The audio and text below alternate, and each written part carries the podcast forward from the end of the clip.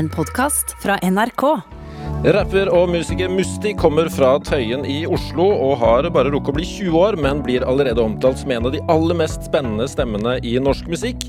I fjor vant hun prisen for årets nykommer under P3 Gull. Hun ble utropt som ledestjerne av Dagens Næringsliv og fikk strålende kritikker for debutalbumet sitt. Og det kanskje hun kan takke familien for. Drivkraft med Ruben Gran i NRK P2.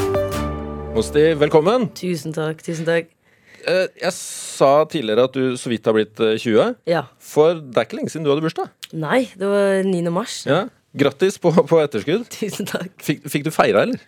Eh, feira, feira. Jeg, jeg var hjemme. Hadde to, det var før de nye reglene, så jeg hadde to venninner på besøk. Og så lagde vi um, Jeg fikk eh, i bursdagsgave av hun ene bestevenninna min, så, så fikk jeg et sånn skikkelig stort kjøttstykke. For jeg er veldig veldig glad i kjøtt. Så lagde vi skikkelig god middag, og uh, ja, det var vel sånn jeg feira bursdagen min. Men jeg er ikke så veldig glad i å feire bursdager heller. Det har jeg aldri vært. Nei, Er du ikke det? 20 år? Kom an. Det er rimelig eh, jeg har rundt. jeg har aldri feira en bursdag. Har, sist gang jeg feira bursdagen min, var vel når jeg fylte fem, og jeg fikk en Barbie-motorsykkel av bestemor. Siden da så har jeg ikke tenkt på å feire bursdag. Så det var, det var nice å få samle noen venner og spise noe god mat. Det var det. Men å feire med, med musikk og fester og sånn, det blir litt for mye for min del. Altså. Ja, Hvorfor det, tror du? Jeg vet ikke, jeg liker å slappe av. Jeg liker å, å belønne meg selv med å hvile og slappe av og Jeg vet ikke, jeg er ikke noe sånn festmenneske. Eller jeg er ikke så veldig glad i bråk og store folkemengder og Det er jeg ikke. Så du hadde ikke feira så annerledes hvis vi ikke hadde vært i koronadvale? Nei. Da hadde jeg sikkert vært hos moren min med min store familie og spist eh, jævlig god mat igjen. Ja. For du er glad i mat? Ja, jeg er veldig glad i mat. Ja. Men eh, hva, hva har du gjort eh, så langt i dag? Um, så langt i dag så har jeg våkna, uh, pussa tenner, uh, spist et rundstykke med egg og kalkunpålegg, og, nei, kyllingpålegg, og så satt meg i en taxi, og så nå er jeg her med deg. Ja, det er det. Uh, har du skrevet noe i dag? Skrevet noe bars, liksom. Ja, eller hva som helst? Nei, men uh, det har jeg ikke gjort i dag. Men dagen er ikke over, Nei. så For jeg-. For jeg har lest at du har noe som du kaller Gullboka. Ja. Ja, Hva, eh, hva er det? Det er bare en gul Det er bare en gul notatbok som jeg kjøpte på TGR, som jeg skriver masse rart i. Eh, ikke nødvendigvis sangtekster, men jeg skriver typ eh, ord som jeg syns er kule, eller som jeg vil huske på. Eller setninger som jeg kanskje vil spare til en dag der jeg føler jeg kommer til å få bruk for den setningen i studio. Ja, hvor, hvor ofte skriver du det der? Eh, det kommer litt an på egentlig hva slags dag jeg har. Hvis jeg er mye hjemme, så skriver jeg kanskje i det, så skriver jeg i det ganske mye. Men hvis jeg er på jobb ute, så eh, tar jeg den ikke med meg. Liksom. Den, den er hjemme. Den Ja. er hjemme i gjesterommet. Så du har den ikke med her nå? Nei, det har jeg ikke. Men den er gul, ikke gull? Den er gul, men Ja. jeg kaller den Gullboka. Ja, ok. Jeg kaller den eh, Gulboka fra nå. Men eh, hva gir det deg å skrive den? Altså, er, det, er det bare for å spare til låter, eller er det for å Det er for å Få få litt eh, Bare for å slippe noen ord. Altså bare for å Jeg har jeg føler at jeg bærer på som Jeg holder så mye inni hodet mitt som jeg ikke sier høyt. Så alt det jeg føler jeg ikke kan si høyt, eller ikke vil si høyt fordi jeg vil holde det hemmelig, så skriver jeg i den boka. Så det er litt sånn hemmelig Hemmelig Mosti-boka, da, der alle hemmelige tankene til Mosti er. Ja, Det er en slags dagbok, da. Mm, nei, ikke kall det en dagbok. Jeg syns det er så kleint med dagbøker. Altså. Men eh, det er en bok som har alle tankene mine i seg. Så ok, kanskje det er en dagbok, da. Men du skriver ikke sånn 'Kjære dagbok, Nei, i dag sto jeg opp og spiste kalkunsandwich'. jeg starter bare med en setning sånn derre eh, Bare noe random. Jeg har aldri skrevet dato eller navnet mitt på noen av sidene. Det er bare Jeg pleier ikke å starte på toppen, jeg bare skrive i midten, og så bare kjøre derfra. Mm. Det, er, bare mye random der. Men eh, sånn ellers, når du skriver eh, og lager eh, tekster, da. Mm. Er du liksom disiplinert og har kontortid til deg? Kontortid. Eller åssen Altså, funker det for deg? Det, jeg må ta hensyn til hjernen min. Så hvis jeg eh, føler at jeg vil skrive, så dropper jeg alt det jeg gjør, og så bare går jeg i et rom og skriver. Eh, for det er ikke alltid eh, jeg har lyst Ikke har lyst, men det er ikke alltid jeg har eh, noe å skrive om, da. Så det er med en gang jeg skjønner at nå har jeg noe å skrive om, så dropper jeg alt jeg gjør, og så stikker jeg, liksom. Jeg var, det var en gang jeg var i et Zoom-møte, og så sa de masse fett, og jeg tenkte bare wow, det her, det her høres dritfett ut. Så jeg bare gikk ut av møtet, og så gikk jeg i Trond og begynte å skrive, og så kom jeg tilbake, så var møtet over. Så jeg, ja. Jeg tar mye hensyn til skrivingen. De fleste av oss uh, lager ikke uh, rapplåter, Uh, så hvis det er mulig å beskrive litt, hvordan, hvordan oppstår en sang? Hvordan jobber du frem en sang fra, fra null til 100? Det kommer litt an på hva slags sang det er, og hva slags stemning det er i studio. Um, men hvis jeg skal forklare enkelt og greit, så er det Hvis jeg skriver rap, da, som låta mi 'Krig' på album, debutalbumet mitt, der, der trenger jeg ikke høre noe beat. Der trenger jeg bare å uh, Bare altså, skumhøre. Bare liksom kjapt høre igjennom, og så pause det, og så går, jeg, så- går man i et rom, og så skriver jeg. For å skrive rap, altså som bars for meg, er som å skrive en bok eller en tekst som man bare Som ikke nødvendigvis trenger å være rap. Eh, men hvis jeg skal synge og legge melodi, eh, melodier og sånn, så er det Jeg liker å høre på beaten og mumle på beaten og komme frem til et, eh, en eh, melodi. Um, så det kommer litt an på da, rap og sang. En av de største og flotteste låtene dine, og som veldig mange har hørt, heter jo rett og slett Gro Harlem Brundtland. Eh, hva ga deg f.eks. ideen til det, til det låtkonseptet? Eh, vi hadde versene før vi hadde eh, refrenget. For vi hadde melodien på, på refrenget, men versene var helt ferdige. Og jeg kjente bare masse styrke i eh, andre vers og første vers. Og jeg følte bare vi kan ikke ha et refreng som ikke har noe å komme med. Eller ikke, altså vi må, vi må, jeg måtte ha en refreng der folk kunne høre på det én gang og huske navnet på den låta med en gang. Det, var bare, det passa perfekt med Gro Harlem Brundtland. eh, En sterk kvinne som har gjort mye for eh, landet vårt. Og eh, så har vi en sterk låt som jeg føler kommer til å gjøre mye for ungdommen. Og det bare er en perfect match. Så det, det har gått kjempebra. Og jeg er veldig veldig glad i den låta. Ja, For de som ikke har hørt den, så går refrenget sånn her. Gro Harlem Brundtland. Jeg Jeg er er next. Ja. Enkelt og greit. Man husker det. Man husker ja, det. Man husker det. Mm, Men, men Gro Harlem Brundtland, det er ikke eh, en eh, person du har kjent til hele livet, eller? Nei. Nei. Ikke i det hele tatt. Eh, Jeg, jeg lærte aldri om Gro på skolen. Det kan sikkert mange relatere til. Så jeg måtte liksom gå inn og gjøre min egen research. da Så det er mye jeg ikke kan om Gro.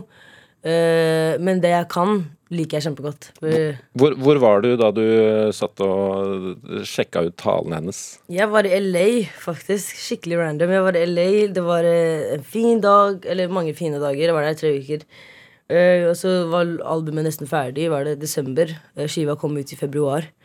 Så jeg bare gikk rundt og hørte på eh, talene hennes. For jeg ville litt lære mer, da. Og hva hun sto for, og hva hun fortsatt står for. Mm, så ja, jeg var i LA. Spiste masse Cheetos og drakk masse lemonade. Og satt, satt og så på tele lille telefonen min sånn, bare på sofaen. Det er jo litt vittig at, Det det. at du fra Tøyen sitter i Los Angeles, California og hører på Gro Harlem Brundtland-taler. Ja, det er, det er ganske Ja. Altså, det er det. Men hvem er eh, nå, da, når du har blitt eh, litt kjent med arbeidet hennes, eh, hvem er Gro Harlem Brundtland for deg? Hun er eh, først og fremst en sterk kvinne som har gjort veldig mye for landet vårt, og inspirerer meg til å gjøre mer eh, for ungdommen og for landet, da, altså kulturen. Eh, og så har hun jo Hun er, var jo leder i HO og eh, første kvinnelige statsminister. Så liksom, hun har gjort så mye, og det er helt sykt for meg at folk ikke fortsatt prater om henne. Eh, som om man, det er bare lagt på hylla. Liksom. Det er ikke, så jeg skjønner, jeg skjønner ikke meg på det i det hele tatt. Men uh, for meg så er hun en sterk, inspirerende kvinne, og jeg håper at, uh, jeg, at folk en gang kan se på meg som de ser på Gro. Mm. Hun har jo også skrevet mye opp igjennom. De talene der har du jo forberedt. Hvordan, hvordan syns du Gro er som, uh, som skribent eller tekstforfatter? Nei, hun er flink. altså. Gro kunne lett skrevet bars. Altså. Det tviler jeg ikke på i det hele tatt. Hun kunne lett skrevet en ny skive for meg. Kanskje hun kan bli med på neste skiva di? ja, kanskje. Ja, Gro, jeg håper du hører på. Du hører Drivkraft i NRK P2. Og her har jeg besøk av eh, Musti, artisten fra Tøyen som altså har satt Gro Harlem Brundtland på rap-kartet. Eh, Musti, hva, hva gjorde at du fatta interesse for musikk? Um, altså, jeg har uh, hatt musikk rundt meg hele tiden, hele livet. Så det har vært vanskelig å ikke involvere seg i det. Uh, men det har ikke vært lett heller. Jeg har hørt musikk siden kid. Jeg har uh, mange eldre søsken som har hørt på hiphop, til R&B, til punk, til somalisk musikk, til arabisk musikk. Så jeg har hørt veldig mye fra alle sider av verden uh, når det kommer til musikk. Så um, jeg har alltid vært glad i å skrive. Læreren min uh, i England Jeg har fortalt den historien her så mange ganger at det er Jeg vet ikke. Men læreren min i England, Miss Margarita, hun Jeg gikk først, og jeg var veldig sint, og jeg skrek, og jeg var veldig sint. Og hun ville at jeg, at jeg heller skulle skrive enn å, enn å skrike det ut i England. Og da snakka jeg engelsk, så jeg bare yeah, yeah, ok. Um, så jeg holdt meg til det siden. av. Det er derfor jeg har den gule boka også. Fordi det er mye enklere å være sint enn å være fornuftig, egentlig. Så jeg har bare tatt det med meg eh, videre og, skre og skrevet vi boka mi for alltid, egentlig. Um, og så ble med årene så ble de tekstene om til musikk. Uh, og så valgte jeg en sjanger, og så ble det fort til rap. Um, så det var jo typ sånn. Og så, ja, jeg har hatt musikk rundt meg hele tiden. da Jeg, jeg kommer fra en familie som er veldig veldig glad i musikk. Så det var ikke så veldig vanskelig å gjøre det. Nei. Hve- Hvem var den første du var fan av sjøl? Hvis du Første jeg var var det. fan av Jeg skjønner ikke hvorfor det er Lil Wayne, men eh, det må være Lil Wayne. Fordi han var typ det eneste som var på TV-en når jeg var kid. Eh, så jeg tenkte han fyren der med dreads og masse tatoveringer er dritfett. Jeg vil bli som han. Noe jeg ikke vil bli nå, men jeg ville bli som Lil Wayne. Men han er fortsatt en ålreit eh, Ja, rapper. ja, han er fortsatt goat. Altså, Ja. Han er dritflink til det han gjør, og jeg er kjempestor fan. Og jeg kommer sikkert alltid til å være kjempestor fan av han. Men altså, Miss Margarita, det er strengt tatt hun som har skyld i at du sitter her nå, da? Delvis? Ja, delvis, ja. Hun, eh, hun er kanskje grunnen til at jeg ikke er så rampete som jeg var før. Eh, ikke er så sint hele tiden. Skriver hele sinnet ned i boka, så går jeg videre med dagen. Ja, hvordan er det? Jeg kan kjenne meg litt igjen i det. Hvis jeg har noe agg, så, så, så skriver jeg til jeg ikke orker mer, og så kjenner jeg at etterpå man er litt lettere. Man blir etterpå. litt lettere, man senker skuldrene litt, og det er deilig. Det er kjempedeilig. Er jo, det er jo, jeg har eh, en ting som alle sier til meg hele tiden, at det er enklere å være sint enn å være lei seg. Så um, det er heller det er bedre å være sårbar enn å gå ut og være sint eh, for ingenting. Mm. Hvem, eh, hva, hva hører du mest på nå for tida? Nå for tiden så har jeg vært skikkelig dårlig på å høre på Jeg skulle høre på musikk. Uh, så jeg vet egentlig ikke. Men jeg har hørt veldig mye på mine låter, fordi jeg har sluppet uh, en del i det siste. Um, og så har jeg hørt masse på mine unreleased låter som, som jeg kommer til å slippe. Men um, hvem det er jeg hører på Jeg, jeg, jeg vet ikke, altså. Jeg Nei, nå er hjernen, hodet mitt er helt blankt. Jeg kan hjelpe deg litt snart. Men når du hører på låter som, som du har gitt ut, Ja. hvordan er det? Tenker du sånn Fuck, hvorfor gjorde jeg ikke det der? Jeg hører egentlig på dem for å lete etter noe jeg kunne gjort bedre. Mm. Derfor, så jeg hører Det er sjelden jeg hører på låta, men jeg er sånn Wow, det her er jævlig bra. Altså. Det, det, det er ikke sånn jeg hører på når jeg tenker ah, Jeg kunne kanskje lagt Kunne kanskje tatt de, de, den vokalen høyere, eller den lavere, eller adda noe mer tekst, eller tatt noe det, det er, Jeg hører jo på det for å se hva jeg kan gjøre bedre til neste gang. Men eh, det er gøy å høre på seg selv, og det er det. Det er kjempegøy. Men er det litt sånn at man kunne egentlig aldri blitt ferdig med låt? Hvis jeg mener? Ja, 100 Altså Hvis jeg ikke hadde hatt Jeg har ikke deadlines, akkurat deadlines, men hvis jeg ikke Jeg pleier alltid å sette av en dato, og så er jeg sånn Vi må jobbe rundt dette, så denne her datoen her, og så må vi prøve å få gjort den ferdig. Men det er alltid sånn at når man sender den til mix og master, man får den tilbake, og låta er dritnice, så er det alltid sånn at å, jeg vil legge til noe mer. Men man har jo ikke alltid Altså Man vet jo at den ikke trenger noe mer, men det er hjernen som er sånn derre Du må gjøre det der. Du, må, du kunne gjort det bedre. Eller sånn det er Jeg vet ikke. Ja, jeg gir meg selv veldig mye kritikk, eh, så ja. Ja, for det, det er jo en del av kunsten, det å på en måte klare å sette, sette punktum. Ja, 100% Det er vanskelig, altså, men eh, Ja, det er vanskelig, men det, det må til. Ja. Eh, har du hørt på noe country i det siste? Nei, det har jeg ikke. Nei, men jeg skal Nei, ikke ennå. Ikke ennå. Nei. jeg ikke. Nei, fordi det, det er sånn som står nevnt eh, flere steder, at eh, country er, eh, det er en av guilty pleasurene dine. For det første, hvorfor guilty? Eh, jeg vet ikke. Jeg, jeg fikk det spørsmålet under, under et intervju eller noe. Og så bare tenkte jeg på det. Det var enten country eller Ariana Grande, liksom. Så det var, jeg måtte bare gå med country.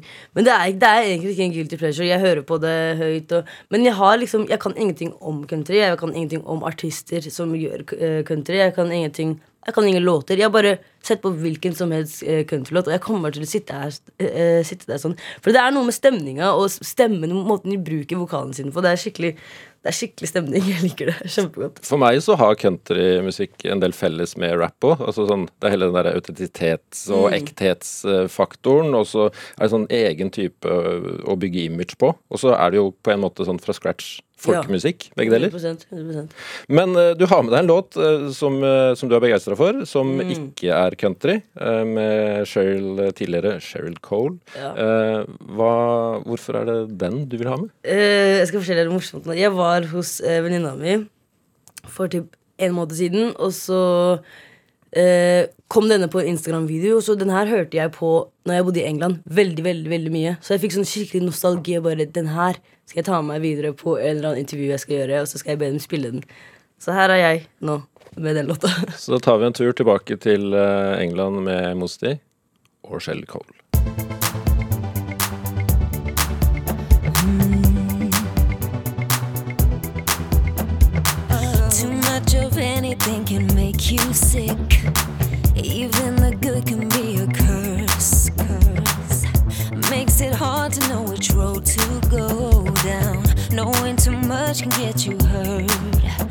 Is it better? Is it worse? Are we sitting in reverse? It's just like we're going backwards. I know where I want this to go. Driving fast, but let's go slow. What I don't wanna do is crash. No, just know that you're not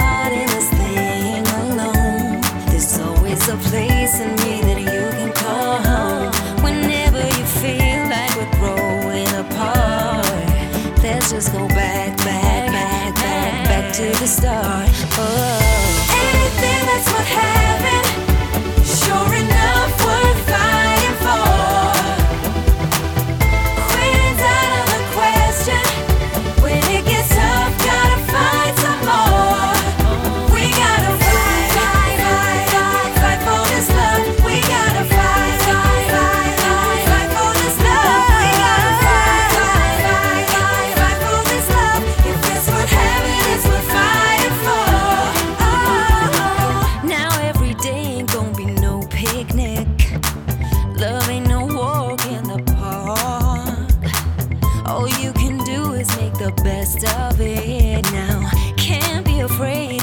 Dark. Just know that you're not in this thing alone. There's always a place in me that you can call home.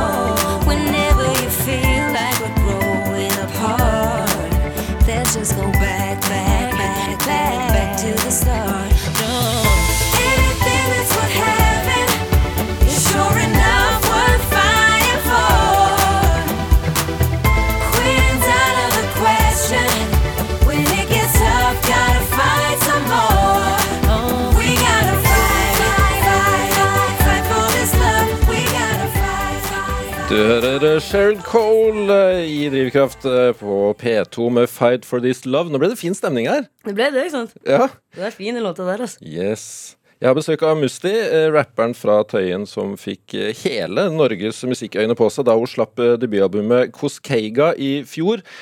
Hvordan var min somali der? Du ler, du. Du prøvde, du prøvde. Jeg, er glad for at du prøvde. Det er mange som ikke tør å prøve. Ja.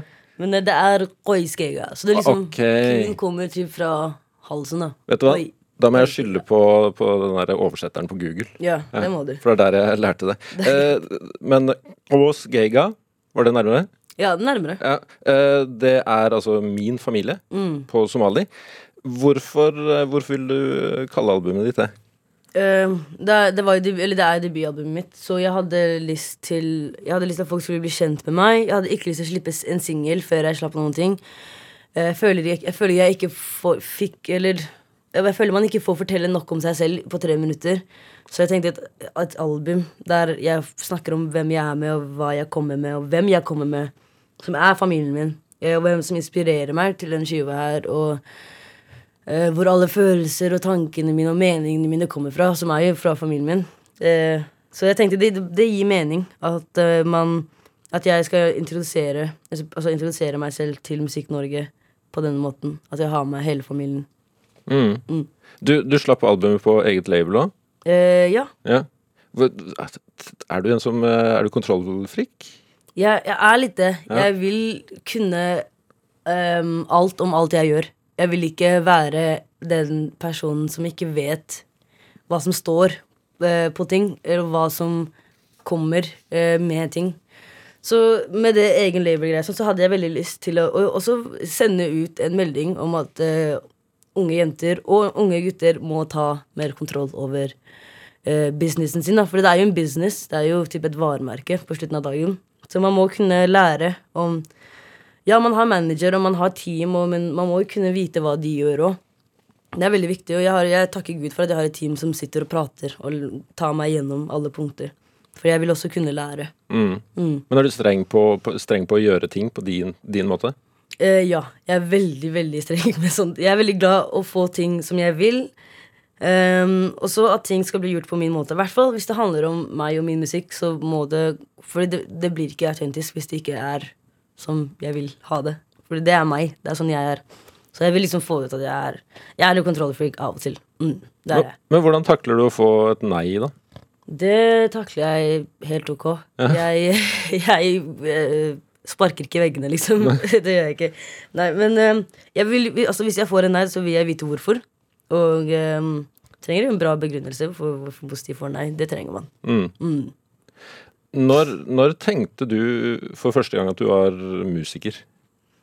Mm, når jeg skrev som jeg Når jeg liksom så hvor mye jeg utviklet meg som en tekstforfatter um, Fordi på starten så skrev jeg jo bare dritt. Det skrev jo alle.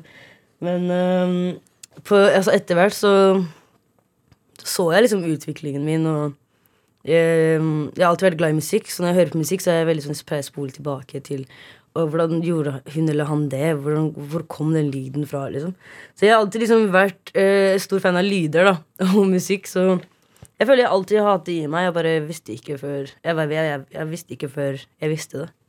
Men er, er artistlivet som du hadde sett for deg? Um, ja og nei. Uh, jeg så for meg mye jobb, det gjorde jeg. uh, og lage masse musikk. Men det blir jo til en jobb der du må ta ekstravakter hele tiden. Så det um, Det er hardt, spesielt for meg som uh, er ak akkurat fylt 20 og ikke har gått på videregående. Um, jeg gikk på videregående litt, da, men jeg er ikke så veldig vant med rutiner. Eh, når jeg, jeg var ikke så veldig vant med rutiner når jeg hoppa inn i det her, så Men nå er jeg det. Eh, men før så var det sånn Det er faktisk jobb, liksom. Droppa ikke av skolen for å jobbe. Men nå er det gøy. Nå synes jeg det er kjempegøy å stå opp tidlig og snakke på radio og lage musikk eh, tidlig på morgenen. Det er kjempegøy. Men da du var barn, fantaserte du om å bli artist da? Ja, jeg pleide å stå foran badet. Ja, men det, det her gjør jeg ennå. Når jeg liksom skal gjøre meg klar, står jeg foran badet. Jeg har alltid høyttaleren min i badet eh, med meg. Og så later jeg som det er 50 000 mennesker foran, og så er det bare et speil med refleksjonen min. Eh, men eh, det, det har jeg alltid gjort, og det gjør jeg til den dagen i dag. Men det er fordi jeg synes det er gøy. Men noe inni meg har sagt at jeg føler jeg har gjort det så mye at jeg har manifesta at jeg skal bli artist og, og stå foran et publikum, og så har det skjedd fordi jeg har stått foran badet så jævlig mange ganger. Så alle som står på badet og synger og La, la, la. Det er en type manifestation for dere som vil bli artister. Fordi uh, gjør man det, så er det kanskje litt garanti på at du får bli artist. Eller blir artist. Jeg, jeg tror, du, tror du på det? På ekte? Ja, fordi altså, manifestation er ekte. Og uh, hvis jeg sier til hodet mitt at det kommer til å skje, så kommer det til å skje. Eller det, alt, det, altså, det har funka hittil. Så det funker. Ja. Men du, du, du, jeg innbiller meg at du drømte om en fotballkarriere på et tidspunkt òg? Ja, jeg har spilt fotball siden første klasse. Og jeg elsker fotball. Det er kjempegøy å spille fotball. Jeg elsker det, Men eh, kondisen min sier ikke det samme nå lenger. Men jeg hadde en drøm om å bli fotballspiller. Det var liksom, ah, det var liksom plan B. Men eh, nå er det plan S, T eller U. Jeg vet ikke. Men, men var, var det tidspunktet hvor, hvor du måtte liksom tenkte at nå må jeg velge, satse på musikken eller fotballen, eller var det bare noe som skjedde? Nei, fotballen og skolen var jo i debatt først. Det var litt sånn Hva skal jeg Jeg droppa ut av Jeg slutta å spille fotball pga. skole. Jeg gikk på ungdomsskole, og det bare ble for mye trening. Det ble for seriøst. Og jeg tenkte at hvis jeg fortsetter i det her, så kan jeg ikke hoppe ut av det. Så jeg bare hoppa ut av det før det ble altfor seriøst. Og så var det musikk og skole det kom til. Og eh, skolen har jeg aldri vært glad i, eh, så jeg, det var et veldig enkelt valg for meg. Eh, og så Men det var ikke så veldig enkelt for moren min. Da. Hun var så veldig sånn skeptisk til det. Eh, fordi jeg var ung, eller jeg er ung. Jeg var kanskje 17 da jeg begynte med musikk. Eh, når jeg skrev albumet, så var jeg vel 17. Så jeg Ja. Det var vanskelig, men musikk er det jeg liker å gjøre, og jeg er glad for at jeg gikk med det. Altså.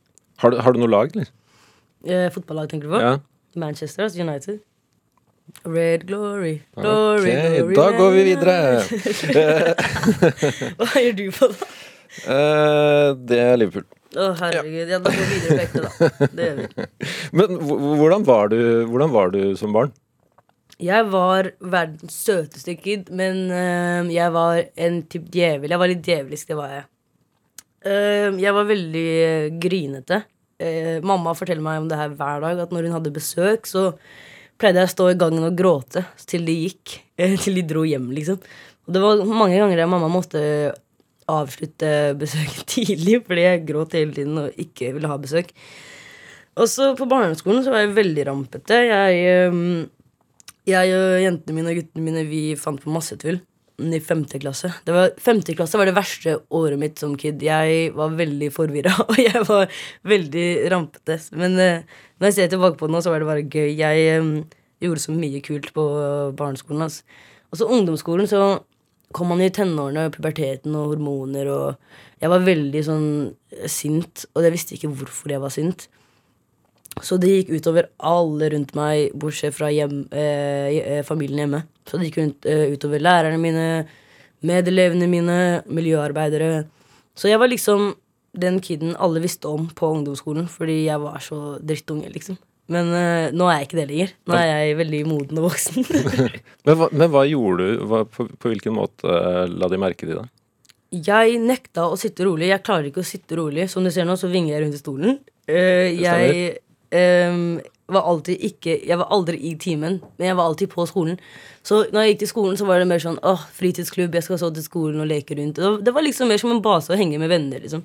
Så jeg tenkte ikke på at jeg skulle gå og ta med pennal og bok. Og, jeg kom aldri med ryggsekk. liksom Det var sjelden de hadde med ryggsekk på skolen. Kanskje første skoledag og siste skoledag. For å ta med ting, og så ta med ting tilbake. Så jeg hadde kanskje med meg en penn i lomma og så en Red Bull, eh, to Red Bull, en i lomma, en i hånda. Og så kom jeg på skolen, satt i gangen, prata med miljøarbeidere, venta til skoledagen var over, så dro jeg hjem. Så når jeg kom hjem og mamma var sånn hvordan var skolen? Så var jeg sånn Nei, det var kjempebra, vi lærte kjempemye. eh, men i gangen, da. Ikke i timen. jeg var aldri i timen. Men eh, er dette, ja, dette er jo på Tøyen, fordi du, du bodde utafor London, times tid utafor London i, i en god del år. Mm, Milton Keanes. Ja, Sju år. Ja. Ja. Det, hvordan var det å bo i England? Det var kjempegøy. Jeg eh, koste meg skikkelig mye. Jeg lærte veldig mye. Men jeg var mye bedre på skolen der. Jeg var veldig flink på skolen der. Jeg elsket skolen der. Men var, de var veldig flinke på å gjøre skolen gøy. Eh, og så har det sikkert noe med å gjøre at jeg var yngre, og jeg gikk i første til femte. Så det er liksom, skolen er gøy for kids. Um, men det var kjempegøy. Det, jeg har eh, mange jeg har, Ikke nå lenger, men jeg hadde mange venner der, og masse familiemedlemmer som jeg har der fortsatt. Og det er bare Milton Keynes er et lite sted med Men alle menneskene der har så store hjerter. Det, var veldig nice å, å få oppleve det, da. Jeg var veldig glad i den byen der. Og så har du jo bodd i Somalia i ett år. Ja. Hvor, hvor, hvor gammel var du da? Jeg eh, slutta Det var Vi flytta dit eh, siste skoledag i sjette klasse, så hvor gammel er man i sjette? Tolv? 12-13? Ja, 12-13. Eh, det var kjempegøy. Det var kanskje det er det kuleste uh, jeg og familien min har gjort, å flytte til Somalia i ett år. Fordi uh, vi skulle gå på skole og sånn. Og sånn, men så streika jeg og søsknene mine, fordi skolen der man må stå opp så jævlig tidlig. Og helg i Somalia er vel Det er ikke lørdag og søndag, det er torsdag og fredag, tror jeg. Så jeg var liksom ikke vant til å gjøre greia der. Og jeg ville jo bare løpe etter geiter og spise god mat og eh, ja, oppleve ting, da. Så vi Mamma aksepterte at vi ikke ville på skole eller koranskole, og hun kjøpte en bil uh, nede i hjemlandet. Skikkelig stor bil. Og så bare tok vi den bilen og reiste fra uh, hovedstaden Hergeisa til Berbera, som er liksom strandbyen. mm, der var vi og bada og spiste jævlig god mat. Og så dro vi til Shir, som er liksom fjellet. Og så fikk vi, vi bare opplevde så veldig mye kult. Så reiste vi til hjemmebyen vår, Brå, der bestefaren min var borgermester. Um, og så koste vi oss der. Der ble vi til vi flytta tilbake. Så jeg koste meg veldig, veldig mye. Og så lærte man veldig mye. Møtte mange familiemedlemmer man ikke visste man hadde. Og det var veldig mange tanter, kusiner og fettere og onkler der. Og det var veldig nice. Man føler liksom en sånn hjemmefølelse. Det er ikke alltid det er, Der nede er kanskje første gang jeg har kjent på sånn hjemmefølelse uansett hvor jeg er i landet. Og det er ganske sjukt for meg. At man føler seg hjemme. Det er dritnice. Kunne, Kunne du tenkt å bo der mer? Eh, det kunne jeg 100 gjort. Eh, vi bygger hus der nede nå, i hovedstaden. Og så har vi et kjempefint stort hus i hjembyen vår. Og så mamma, er mamma veldig keen på å bygge enda et til hus i Strandbyen. Sånn at vi har hus i nesten alle byer. Så det jobber vi med, da. Så det er veldig mye som skjer eh, bak kulissene. mm, Wow. Men du- bestefaren din er eller var borgermester? mm, han var. Mm. Han var borgermester eh, når eh, Jeg var ikke født da, men han var borgermester. Han gikk bort da for tre-fire år siden. Men han var det. Og folk, folk er veldig glad i han i den byen der. Veldig, veldig glad i han. Det er en fin by å komme til, da, Ja, Veldig fin by å komme til. skulle jeg tro. Ja. Men du, du har bodd mest på Tøyen i, i Oslo, og Mm. du har sagt, eh, sagt at Tøyen er som en liten landsby for deg. ja. På hvilken måte? Ok, Tøyen er det beste stedet i Norge, uten tvil. I hvert fall for meg. Eh, kan, kan, kanskje ikke alle er enige, men jeg er veldig enig med meg selv. Og jeg hører veldig mye på meg selv, så beklager. Tøyen er det beste stedet jeg vet om. Mm, er, hvis jeg, kommer, jeg kan komme tilbake til hjemmefølelsen vi snakka om. Og jeg har det der på Tøyen nå. Det er derfor jeg er så glad i Tøyen. Uh, selv om jeg har flytta til Økern nå, da. Uh, og, men så jeg er der veldig mye. Og det, den landsbyen, altså det, altså, denne landsbyen ligger midt i byen. Det er sånn fire vegger. Og her inne er det, det er sånn inni, Innenfor de fire veggene er alt skjer. Um, jeg er veldig glad i Tøyen, og jeg er veldig glad i hvordan Tøyen har formet meg som et menneske. Og alle, alt det jeg har lært av folk fra Tøyen eh, som bor der, og alle opplevelsene mine og tankene jeg har hatt, og følelsene jeg har hatt der, som har forma eh, altså meg til det, den jeg er i dag. Så Tøyen er en landsby midt i sentrum som jeg er veldig glad i. Det er liksom hjertet til Oslo, da, som jeg alltid har sagt. Det, det er jo dessverre mange som forbinder Tøyen med arbeidsledighet, eh, kriminalitet, fattigdom. Eh, Har du noen tanker om hvordan kan man få gjort noe med det, og ikke minst få fremma de, de, de fine tinga med Tøyen? Jeg føler at folk er veldig opptatt av å prate om problemer. Um, og det, det her gjelder ikke bare Tøyen. Uh, all, all slags eh, problemer, egentlig. Folk er veldig flinke til å prate om det. Uh, folk er veldig glad i å prate om problemer, men de er, de er ikke veldig altså, de, de er ikke like glad i å finne, komme med løsninger eller hjelpe til. Så det er liksom folk som driver og skriver uh, veldig, veldig dårlige artikler om der jeg er fra, om folk som er eh, fra der jeg er fra, er jo bare veldig trangsynte mennesker fra min side. Jeg eh, Aldri i mitt liv eh, om jeg hadde tatt råd fra et sånt menneske eh, som har veldig lite kunnskap. Jeg beklager. Men jeg kommer fra et sted Altså, jeg er jo jeg ser på meg selv som et ganske godt menneske. Så det er veldig mange gode mennesker der jeg er fra. Uh, arbeidsledighet og kriminalitet er det overalt. Um, men man må bare komme med løsninger, og ikke bare prate om problemet. Så jeg som 20-åring sitter her og prøver å komme med løsninger, mens 40-åringer skriver bare dritt i artikler. Det er ganske trist, og det sier veldig mye om hvordan ting funker, da. Mm. Kunne du vært politiker, eller? Jeg hater politikk, ass. Jeg klarer ikke politikk. Jeg er bare løgn og pissprat. Men det er liksom. derfor du burde bli det. Ja, men eh, Nei, jeg er veldig dårlig på å lyve til folket, så jeg, hadde, jeg, hadde, jeg har ikke hjerte å lyve til folk. Og lyve til kids, eh, det har, har jeg ikke hjerte til. ass. Men eh, det har disse politikerne hjerte til, så de får bare gønne på. Mm. Men du har altså bodd på Tøyen, eh, du har bodd litt i Somalia og i England. Har, har det påvirka deg, eller hvordan har det påvirka deg å bo, bo i tre land i løpet av 20 år? Jeg føler at jeg har blitt en sånn menneskekjenner. At jeg liksom kan Jeg er veldig glad i å møte nye mennesker, selv om det ikke er lov til det nå. Men jeg føler jeg har blitt en menneskekjenner at jeg kan jeg, jeg kan liksom Ikke sette folk i bås, men liksom jeg kan typ Jeg vet ikke. Jeg bare Jeg føler jeg har blitt menneskeskjønner. Jeg har møtt mange, veldig mange forskjellige mennesker i løpet av mine 20 år. Jeg kommer sikkert til å møte veldig mange flere, men eh, hittil så er det veldig sånn jeg bare er veldig flink til å se gjennom folk. Eller ikke se gjennom folk, men å vite hva slags menneske folk er, da. Mm. Drivkraft i NRK P2. Yes, og her harker vi og har besøk av Mosti, som eh, holder til å representere Nei, hun holder ikke til på Tøyen, men eh, du prater varmt om Tøyen. Mm, Mm. Det gjør jeg. Verdens beste landsby, var det du sa? Ja, 100 Eh, familien din bor der fortsatt? Mm. Mhm. Hvordan vil du beskrive familien din? Jeg kommer fra en stor familie. Jeg har fem brødre, to søstre. Jeg er i midten. Em, har fått minst oppmerksomhet, mest frihet hele livet. Det digger jeg. Uh, jeg kommer fra et veldig varmt familie, veldig varm familie. De er veldig snille, morsomme. Alle er så forskjellige. Um, så jeg, de de er, det, er, altså det er som å, som Også å være hjemme hos mamma nå er som å være i et sånn reality show. så det er alltid et eller annet som skjer hjemme. Negativt eller positivt. Det er alltid et eller annet på gang. Så man, man kommer jo liksom inn i en sånn film når man er hjemme hos eh, oss på Søyen. Men jeg er veldig glad i familien min. De har lært meg så sykt mye. ass, og de alle elsker å vise kjærlighet på veldig mange forskjellige måter. Så det er veldig gøy. Eh, men så er de liksom my backbone, da, de jeg kan lede meg på når eh, ting går gærent eller ting går bra. Så de er uh, største fanklubben min også. Men du nevnte det tidligere, du har, du har flytta hjemmefra eh, for ikke så lenge siden. Ja. Hvordan var det? Hva, hva kjente du da du, du kjørte det siste flyttelasset? Jeg kjente at jeg savner somalisk mat hver dag. Og eh, somalisk frokost hver dag. Um, men uh, hva jeg kjenner på, liksom det er, det er nesten som Det samme som å bo hjemme, bare at jeg har litt uh, Det er litt roligere hjemme hos meg nå. Uh, og så har jeg liksom litt mer frihet og sånn. Men jeg tenkte liksom, grunnen til at jeg flytta ut, var fordi det, jeg, jeg var så mye inn og ut pga. jobb. Og det er så mange hos oss.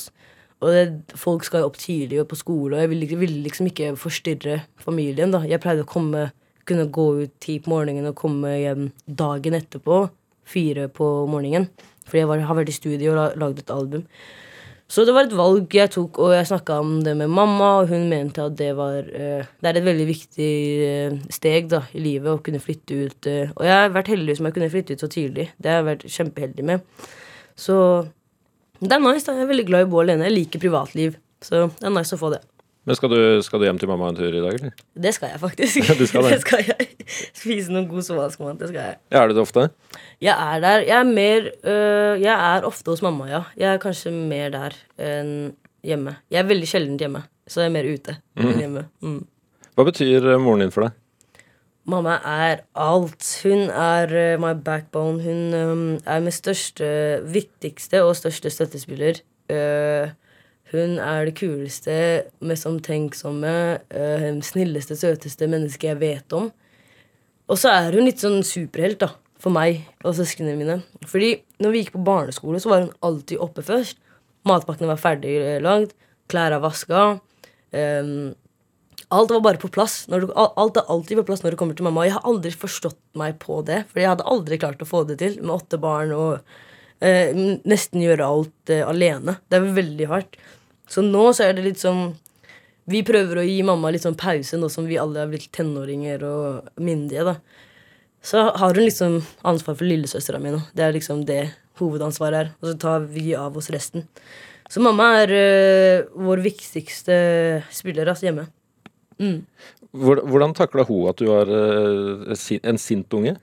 Hun takla det faktisk ganske bra. Jeg er ikke den første av oss som har vært sint. Så hun har vært gjennom det før, eh, fire ganger før meg. Så hun takla det veldig bra. Hun, hun var jo den som hjalp meg da gjennom alt på ungdomsskolen. Så hvis jeg var sint, så visste hun det. Så hun kom alltid med råd og kommentarer som enten gjorde meg mer sint eller eh, fikk meg til å le. Så hun, eh, hun er veldig viktig. Altså hun er en viktig støttespiller hjemme. Du sa jo det i stad at du, du, er ikke like, du er ikke like sint nå. Nei, det er jeg ikke. Men når du blir det, hva, hva blir du sint for eh, i 2021? Jeg har en regel, um, faktisk, som jeg har hatt et par år nå, at jeg ikke skal la andre gjøre meg sint. Eller ø, altså gjøre meg opprørt. Um, så hvis jeg er sint, så er det mest sannsynlig pga. meg selv og noe jeg har gjort gærent. Øhm, og så prøver jeg å huske på at det er enklere å være sint enn lei seg. Så hvis jeg er sint, så prøver jeg heller å være lei meg. For kroppen min, hodet mitt vil egentlig være lei seg, men jeg går rett i forsvarmodus, noe alle, alle gjør, egentlig. så blir man Det er enklere å være sint. Um, men jeg, ja, det, jeg liker det. Det er litt deilig å være lei seg òg, da. Og felle noen tårer iblant. Det, det er nice. Man føler seg litt letta. Mens jeg er sint, så er det mest sannsynlig pga. meg selv, ikke den andre. Jeg har ikke tid å være sint. Det tar så mye av meg. Vi skal høre litt av låta di 'En brennende Tesla'. Der, er du, der er du litt sint, eller? Ja, der er jeg faktisk veldig, veldig sint. Hva er, det, hva er det du er sint på i den? Det sier jo seg selv, da, i, låta. Men eh, det er bare mange privilegerte mennesker eh, rundt, eh, rundt oss alle sammen, egentlig, som, som ser problemer, men ikke tar det til seg fordi det ikke påvirker, altså, dem. da. Og det syns jeg er jævlig, jævlig kjipt, fordi vi er mennesker, og vi mennesker er veldig flinke til å vise kjærlighet og støtte, og det må vi fortsette med. Du får litt av eh, Mosti, som er i drivkraft, sin 'En brennende Tesla'.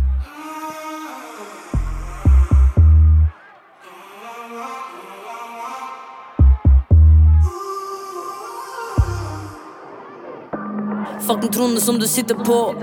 Kan ikke høre på en pappagutt. Det jeg rapper om, er det som gjelder nå. Så du kan høre hele sangen ut. For jeg gjorde det jeg gjorde for å komme dit jeg ville, men jeg har aldri spilt noe skitten, bror. Men disse grisene med slips og dress i bingen hadde ofra sin familie for en bag med flos. Fuck å gjøre det du sa. Ah, jeg kan gjøre det jeg vil. Sette fyr på hele byen. Brenne Tesla med et smil. Lage reglene på veien, mannen. For denne verden her er min. Skal rense verden for mennesker som tar, men aldri gir. Fuck den tronen som du sitter på. Kan ikke høre på en pappagutt. Det jeg rapper om, er det som gjelder nå. Disse grisene Fuck den tronen som du sitter på. Kan ikke høre på en pappagutt. Det jeg rapper om, er det som gjelder nå. Det ligger penger oppå bordet her. Du kan ikke fjerne dine synder med et riskelær. Finnes rett, det finnes galt. Det finnes gjengen vår vi kaller hjemmelaget militær. Mørke skyer over byen min. Casher penger inn på kontoen din. Sykt å tenke på at jeg må jobbe dobbelt så hardt for dobbelt så lite. Man får sjekken min. Fuck it, skriver sjekken ut på egen hånd. Black lives matter på mitt pannebånd. Er en leder der jeg kommer fra, kan ikke skuffe laget mitt. Tro meg, jeg er ikke sånn. La meg vise hva jeg kommer for. Tronen, pengene, makten og alt sånt. Ikke kom hit og test oss. En, to, tre, fire, fem, du blir sagt opp. Fuck den tronen som du sitter på. Kan ikke høre på en pappagutt. Det jeg rapper om, er det som gjelder nå.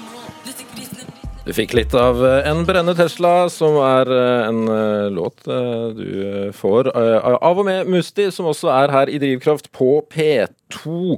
Eh, Du snakka om ting du var sint på. Du, hører jo her. Er det, viktig for deg å liksom legge følelsene dine i, i versene dine? Ja, 100% Det er veldig viktig at folk skal kunne høre på det, vite hva jeg kjenner på, og hva jeg føler. Det er viktig.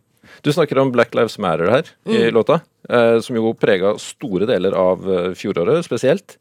Hvorfor, hvorfor er det viktig? Det er jo viktig fordi um, Hvorfor er det ikke viktig? Ikke sant? Vi, øh, vi er, jeg er jo en svart, ung muslimsk jente i et hvitt land. Um, så for meg så er det en kamp som jeg føler jeg alltid må kjempe for. Eh, Det, er, det ligger bare i naturen min at jeg Hvorfor Altså, det er, det er en helt Det er en sak som alle bør kjempe for hele tiden. Og i fjor, når det ble så stor eh, greie i Norge, så var jeg liksom Jeg var liksom stolt over eh, Over landet vårt. Også litt skuffa, egentlig. Det var liksom både og. Fordi at det måtte til så mye for at folk skulle åpne øynene. eh, gjorde meg litt sint. Men at eh, vi var på demonstrasjon, og det var tusenvis av mennesker der, gjorde meg dritglad. Eh, men en ting som gjør meg sint den dagen i dag, er alle disse influenserne som posta svart firkant på Instagram. Fordi alle andre gjorde det, og fordi de fikk PS for det hvis de ikke gjorde det. Og så nå er det litt sånn tilbake til sminkereklame og parfymereklame, liksom. Det er helt sykt, for, for, også for min del. Så altså for meg så er det Det ligger i naturen min. Det ligger i min families natur at jeg skal kjempe for at min lillesøster skal ha et liv der hun ikke trenger å se bak seg når hun skal til skolen, eller at hun ikke skal bli mobba for sin hudfarge, eh, hvor enn hun er. Det er en, en, en sak vi alle bør kjempe for. Mm, 100% 100 Mm. Det kunne vi snakka om i en time, det det også. Men uh, apropos tunge greier. Uh, du, du har vært åpen om at du har slitt eh, med depresjon Mm. i perioder. Ja. Hvor hvor gammel var du da du innså at du ikke hadde det bra? Jeg ehm, Det var vel på ungdomsskolen. Jeg var jo veldig veldig sint, og så ble jeg tvangsflytta til institusjon. Mm, så jeg bodde på eh, Tåsen akutt i lukket avdeling. Så det, det var bare meg og ingen andre. Eh, fikk ikke, jeg fikk ikke lov til å gå ut. Det var er litt sånn fengselgreier, da. Litt sånn eh, Litt snillere enn fengsel. Det var veldig snille mennesker som jobba der, da. Mm. Men når jeg var alene, og jeg kjente at jeg ikke hadde det, at jeg ikke var glad, og jeg, at jeg var sint når jeg var alene også, da skjønte jeg at det var noe gærent. Så når jeg flytta til institusjon, jeg til, når de fant en institusjon for meg, da, så var det liksom i Evanger, mellom Voss og Bergen. Og der var jeg seks måneder, bodde på et fjell og på, på en gård, da, egentlig.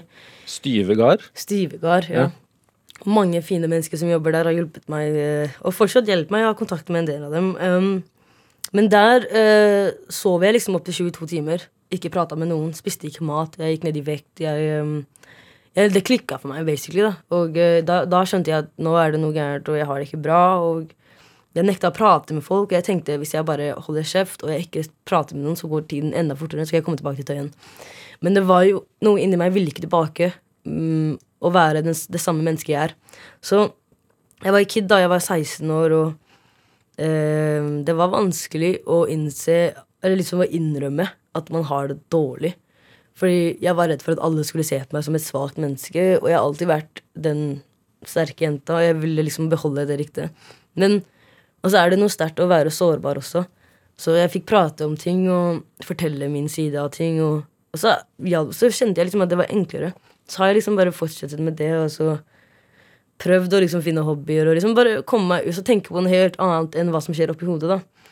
Og så har det gått bedre, og jeg har hatt folk som har hjulpet meg fra Stivgard, og familien min har vært der, og venner har vært der. Så det har, vært, det har vært en vanskelig reise, men alle rundt meg prøvde å gjøre det så enkelt som mulig.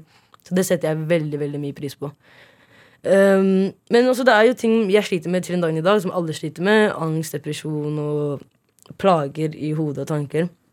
Men um, ja, ting blir bedre, da. ikke sant? Man må jo ja, Jeg prøver liksom å omringe meg med mennesker som står opp tidlig og kommer seg på jobb og liksom har hobbyer og prøver å holde um, Prøver å ikke tenke på det vonde da, hele tiden. Og det hjelper meg så sykt at um, jeg spiser middag hos en venn istedenfor å sitte og spise middag alene.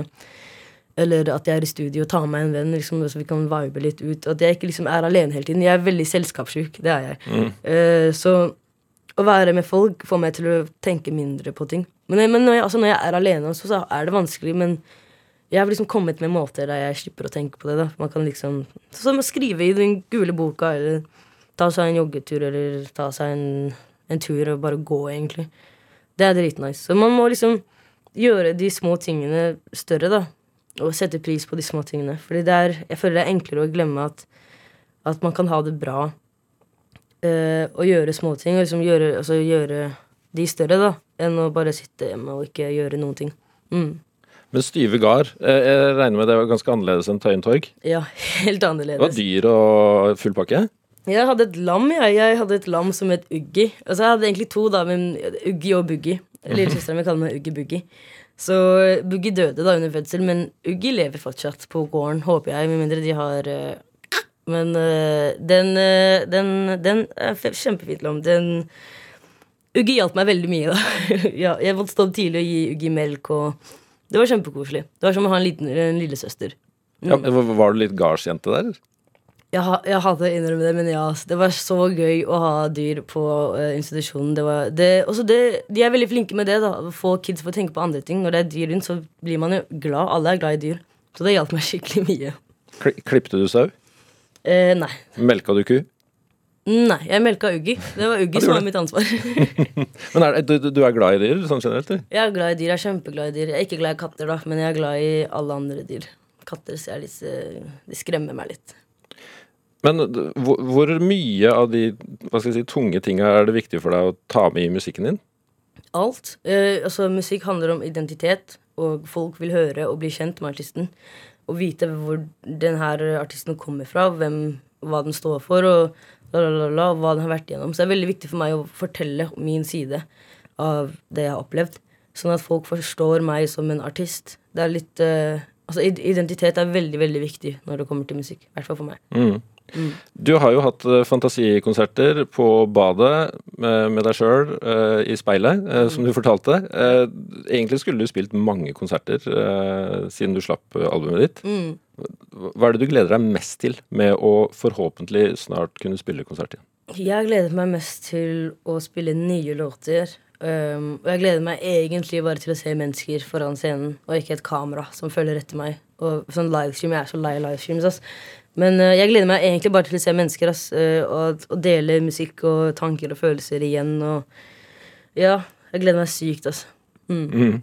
Og apropos framtida.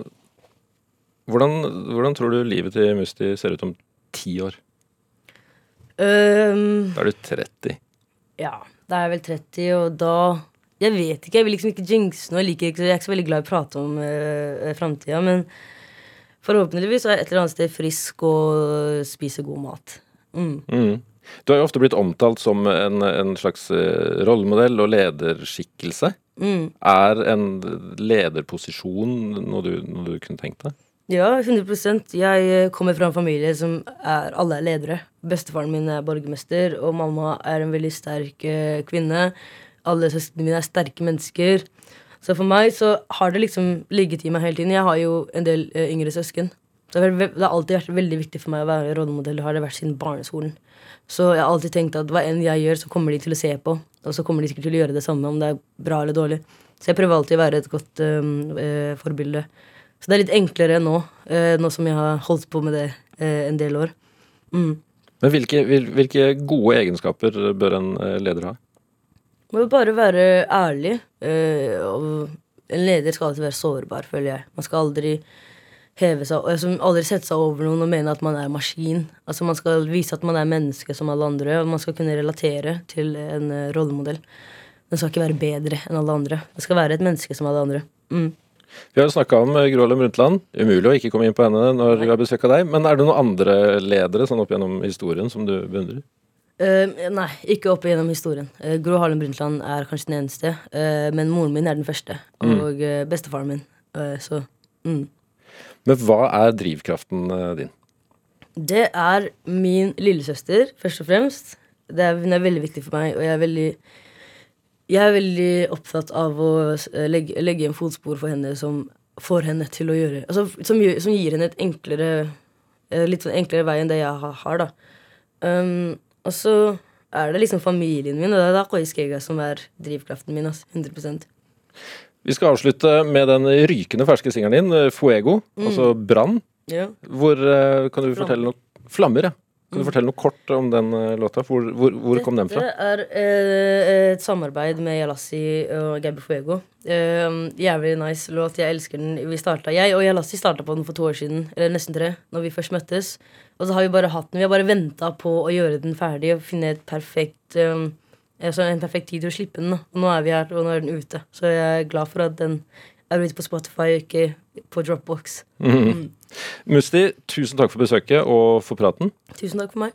Og du kan høre flere Drivkraft-samtaler i NRK-appen, eller du kan laste oss ned som podkast, og send gjerne ris og ros og tips til mennesker du mener har drivkraft. Vi hører veldig gjerne fra deg på e-post drivkraftalfakrøll.nrk.no. Produsent og generelt rivjern i dag har vært eh, Julia Martincic, og nå får du straks eh, siste nytt fra NRK eh, Nyheter her i P2. Men eh, du skal få litt eh, musikk før det. Jeg har vært Ruben Gran. Eh, Håper du har det godt, og at vi høres igjen. Dette her, det er Musti sammen med svenske Jelassi og Gabi Fuego. Med Fuego i P2. Ha det godt.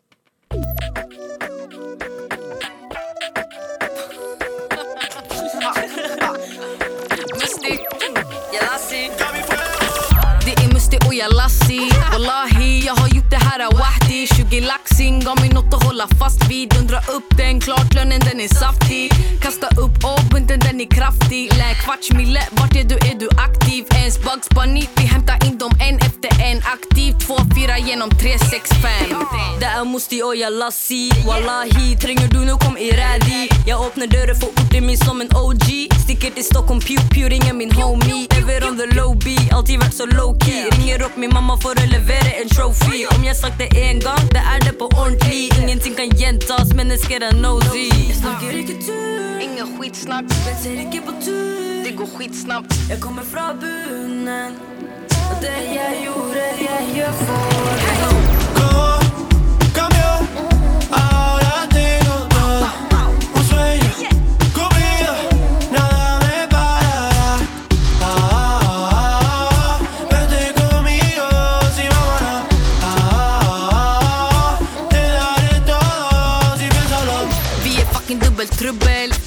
Vi planer, de sitter bare på søppel. Vi sprang til studio hver gang vi sprang til klubben. Resultatet er at lommene våre er lubben. Walalo, mennesker er syke. Når man er på topp, sjukt på deres syke. Er ikke den som skryter, med hals og øron fryser. Hatsjo, hjertet like kaldt som isen. Walla, vi har kriget, vi jobber hele tida. Armbåga fram og sida til sida. Yeah, Fake stå på sida. Kom langt bort fra mina. Alt peker bare opp, så vi følger etter pila. Snakker ikke Skitsnakk, men ser ikke på tur. det går skitsnabbt. Jeg kommer fra bunnen, og det jeg gjorde, jeg gjør for deg.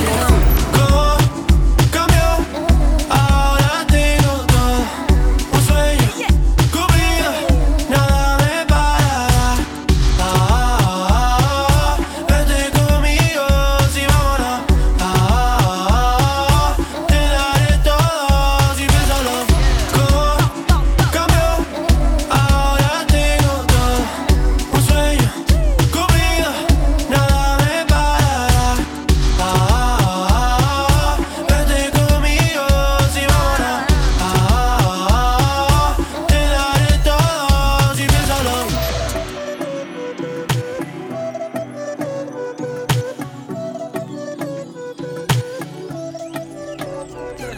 Du har hørt en podkast fra NRK. Hør flere podkaster og din NRK-kanal i appen NRK Radio.